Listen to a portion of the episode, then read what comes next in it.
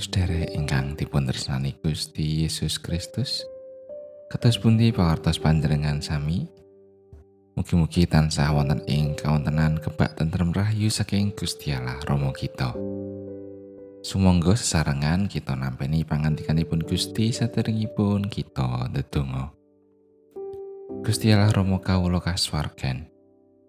Puji syukur kunjuk dumateng Patuko Gusti awit sedaya berkah paringat patuko ing sauruting kesang kawula. Sak Gusti manah kawula sampun sumadyo. Sumangga Gusti paring pangandikan. Mugi suci paring pepadang ing manah kawula. Setemah kawula kasagetaken mangertosi lan nindakaken dawuh patuko. Tasih kathah dosa kelepatan kawula ing ngarsa patuko. Mugi Gusti kersa ngapunteni. Wonten ing asmanipun Gusti Yesus Kristus kawula ndedonga lan saos syukur. Amin. Wawasan kapendet saking serat Efesus bab 3 ayatipun sekawan welas dumugi selikur. Iyo iku mulane aku jengkeng sujud ana ing ngarsane Sang Rama. Kang dadi asale sebutane kabeh turun kang ana ing swarga lan ing bumi. Aku ndedonga supaya panjenengane saka gunging kamulyane nguwatake lan nyantosake kowe dening roe ing batinmu. Teman marga saka pracayamu, Sang Kristus dedalem ana ing atimu, sarta kowe padha ngayata lan atetalasa ana ing katresnan. Aku ndedonga supaya kowe karo saking para suci bisa nyumurupi sepiro ambane lan dawane sarta dhuwure lan jerone siye Sang Kristus. Sarta bisa ngawruhi marang siye kang ngungkuli sakabehing kawruh iku. Aku ndedonga supaya padha kapenuan ing kasampurnaning Gusti Allah. Iya panjenengane kang kuwaos nindakake luwih dening akeh tinimbang apa kang kita dongakake utawa kita pikir.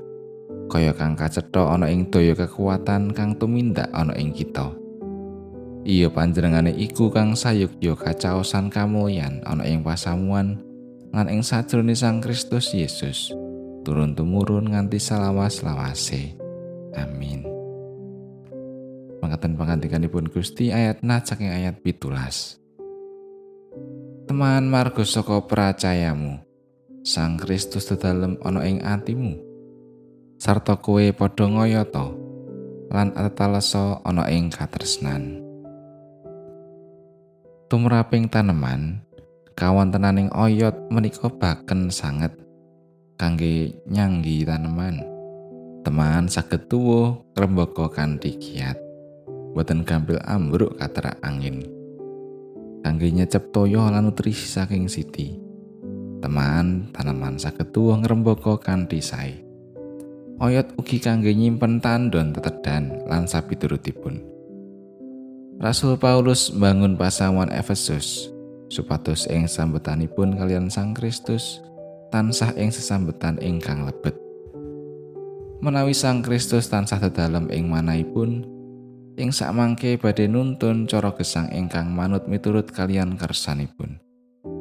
Nalika ngadepi angining tatanganing gesang boten gampil ambruk tansah bakuh kukuh saha setya. Mangkatan ugi ing sesambetan kalian Sang Kristus kita tansah nyecep sabda pangandikanipun. Supados kapitadosan kita menika tansah kawangun.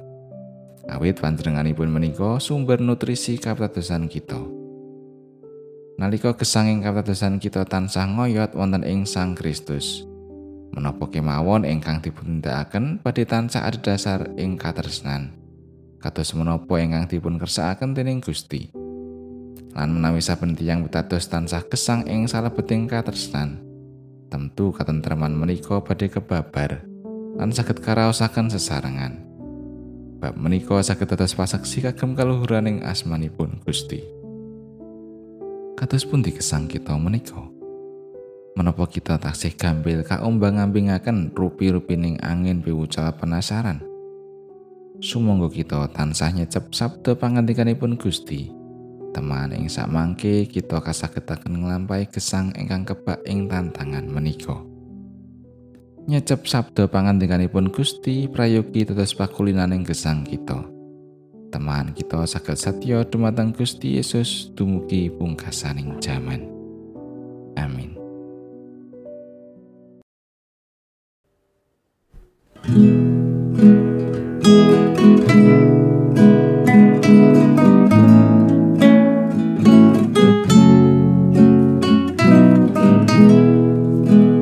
Kula samyo tetunggilan ngabekti mring pangeran. Wit sinungan gajekapan wabagas kasarasan.